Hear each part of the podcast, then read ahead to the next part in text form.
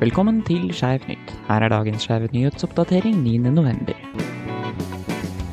Den amerikanske marinen oppkaller skip etter homofil rettighetsforkjemper. Det skriver Raw Story 6.11. En av de første åpne homofile politikerne i USA som ble drept i 1978, Harvey Milk, fikk denne helgen et marinefartøy i sitt navn, USNS Harvey Milk. Dette er en del av det amerikanske forsvarets holdningsendringer mot homofile, da det historisk har vært forbudt mot homofile i væpnet tjeneste i USA.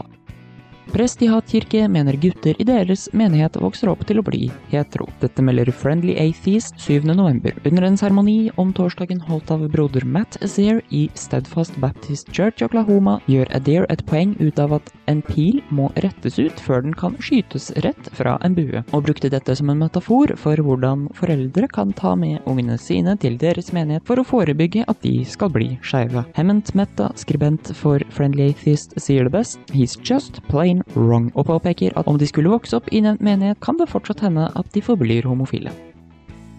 Og til slutt minner vi om at 2022 er Skeivt kulturår, og at fristen for å søke kulturråd og midler til arrangementer er 19. november.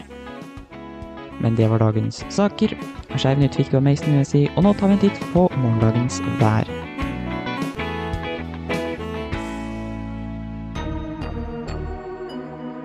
Her er en væroversikt for Norge på onsdag. Longyearbyen kan vente seg skyet og minus 6 grader. Hammerfest lett regn 4 grader. Tromsø for regn også 4 grader. Bodø ventes kuling utsatte steder, mye lyn, tordenbyger og 6 grader. Mosjøen ventes mye lyn, kraftig regn og 4 grader. Trondheim regnbyger 6 grader. Ålesund får lett regn og 9 grader. Geilo delvis skyet 2 grader. Bergen meldes om skyet og 9 grader. Stavanger lette regnbyger 10 grader. Kristiansand kan vente seg delvis skyet og 12 grader. Og Oslo og Lillehammer får på onsdag begge lett skyet og 6 til 11 grader. Dette var værvarselet fra Yr, levert av Meteorologisk institutt og NRK.